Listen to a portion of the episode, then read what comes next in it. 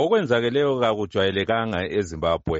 Kujwayeleke ukuthi sikuzwe kukhulunywa ngakho kwamanye amazwe ukuthi uzwe kuthiwa kulamabhomu atholakalayo lapha lalaphana kumbe kusethuselwa ngokuthi kungaba lamabhomu. Kuyinto engajwayelekanga. Ngakho-ke kuyadingeka ukuthi labo abakhangele ngezokuthula bayihlolisise indaba yakhona ukuze kufike ekugcineni kwakho ngokuba phela nxa kulamabhomu endaweni okwehlela khona indizamtshina kutsho khona ukuthi kuyabe kulula ukungena kuyingozi kakhulu ebantwini abanengi njengoba isetshenziswa ngabantu bezimbabwe isetshenziswa njalo ngabantu bangaphandle. Ngakho-ke kumele zona leziya ndawo zivikeleke ngendlela eqinisekileyo ukuze abantu babe lokuqiniseka ngokuphepha kwabo. Kahle kahle kungaba kusenzakalani lapha encube? Kungaba lengozi ekhona mpela yini njengokutsho komuntu lo othumele umbiko? Kumbe ngumuntu obeganga nje ongelakhono lenhloso yokwenza udlakela athi